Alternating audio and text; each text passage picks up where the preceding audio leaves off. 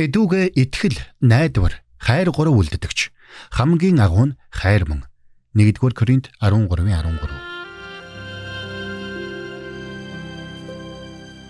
Мэргэний сонсог мэдлэгэд хэлэг. Ухаалаг нь мэрэгэн өдрөмжийг мөн авг. Доктор Харалт цаалогийн мэрэгэн зөвлөмж нэвтрүүлэг.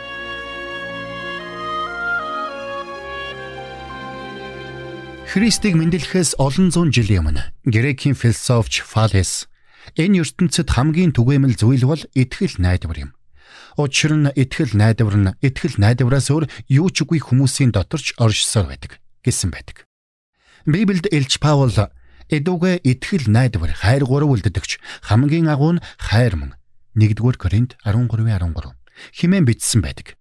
Бүх зүйл өөрчлөгдөж, амьдрал нь бүхлээрээ өөрчлөгдсөн тэр эгзэгтэй тодорхойгүй цаг үе дунд Паул эдгээр үгсийг бичсэн юм.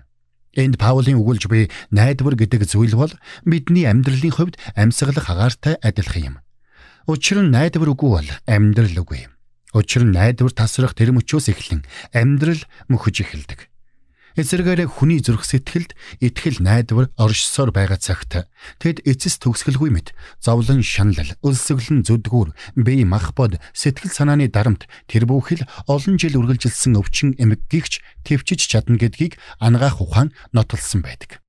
Дэлхийн 2 дугаар дайны үеийн аимшигт зовлон зүдгүүр одоо ч олон хүний сэтгэлд тодхон хിവэр байна.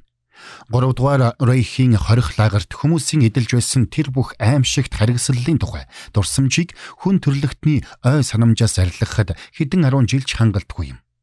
Гэхдээ нөгөө тэгүр энэхүү аимшигт нөхцөл байдал нь бидэнд ирээдүйдээ итгэх итгэл найдвар бидний амьдралд ямар чухал болохыг илчлэн харуулж өгсөн юм. Саяхан би Saturday Review сэтгүүлд бичигдсэн итгэл найдвар хүнд хэрхэн нөлөөлдөг вэ гэсэн гарчигтай нийтлэлийг уншсан юм. Уг нийтлэлийг Корнелийн их сургуулийн анагаах ухааны сургуулийн профессор доктор Харалд Вольф бичсэн байна. Доктор Вольф энэхүү нийтлэлдээ дэлхийн 2 дугаар дайны үед хорих лагерт хоригдож байсан хүмүүсийн хувьд итгэл найдвар ямар чухал байсныг онцгойлон дурдсан байсан. Доктор Вольф нийтлэлдээ энэхүү бичсэн байна. Товчхондоо бол аюултай, ганцаардмал, найдвар тасрам нөхцөл байдал урт хугацааны туршид байснаар альва хүний эрүүл мэнд дөрөөдөж итгэл найдвар бөхдөг. Гэхдээ альва хүний дотор өөрийгөө үнэлэх үнэлэмж, итгэл найдвар, зориг, чиглэл, хамт олондоо итгэх итгэл байгаа цагт тэр хүн ямар ч хэцүү нөхцөл байдал, ямар ч аимшигтай шийтгэлийг төсвөрлөн гарч чаддаг гэж бичжээ. Цаашилбал Saturday Review сэтгүүлийн редактор уг нийтлэлийн өмнөтгэл болгон бичсэн үгэндээ найдвар нь амьдралын зориг болон итгэлийн нэгэн адил бидний бие мах боддож эерэг нөлөөг үзүүлдэг байна. Энэ нь зүгээр нэг хийх хоосон тунхаг биш.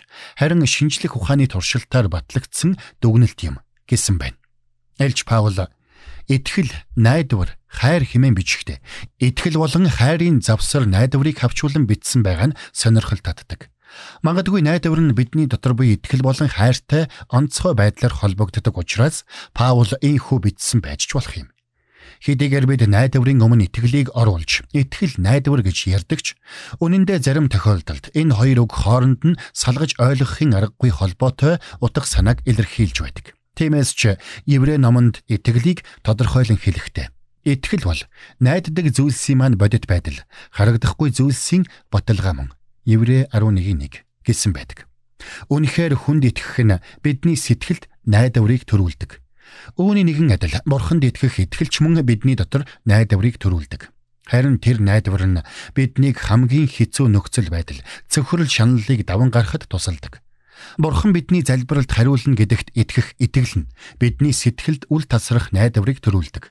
Ромчуудын харгас хэрцгий хавчлагад өртөн итгэлийнхээ төлөө амиа алдаж байсан Христэд итгэгчдийн төсвөр төвчээрийг бид өөрөөр хэрхэн тайлбарлах вэ? Дайны аимшигт зовлон донд үгээр илэрхийлшгүй зовлон зүдгүүрийг тэсэн гарч чадсан хүмүүсийн төсвөр төвчээрийг бид өөрөөр яаж тайлбарлах вэ? Тэгвэл Бурхны сайн мэдээний үг найдвар тасарсан энэ дэлхийд итгэл найдварыг төрүүлэх мессежийг агуулж байдаг. Бурхан ертөнцийг үнэхээр хайрласандаа цорын ганц хүүгээ өгсөн. Энэ үг бидэнд Есүс Христийн загалмай бидэнд мөнхийн итгэл найдварыг өгөх болно гэдгийг гэрчилж байна. Харин Христэд итгэх итгэлээс ирдэг тэр найдвар бидний амьдралыг ширүүн салхи шуурган дундаж тогтоон барьж байх зангуу болдог гэдгийг Библи бидэнд гэрчилдэг. Мөнхийн улсын найдвар нь хүмүүний бүтлгүйтэл сул дорой байдлаас илүү агуу юм.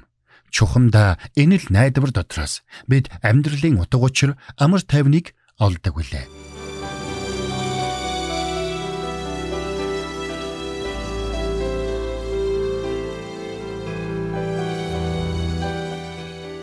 Мэргэн нэгнийг дагуул мэргэн, мулгуутай нөхөрлөл хорлол.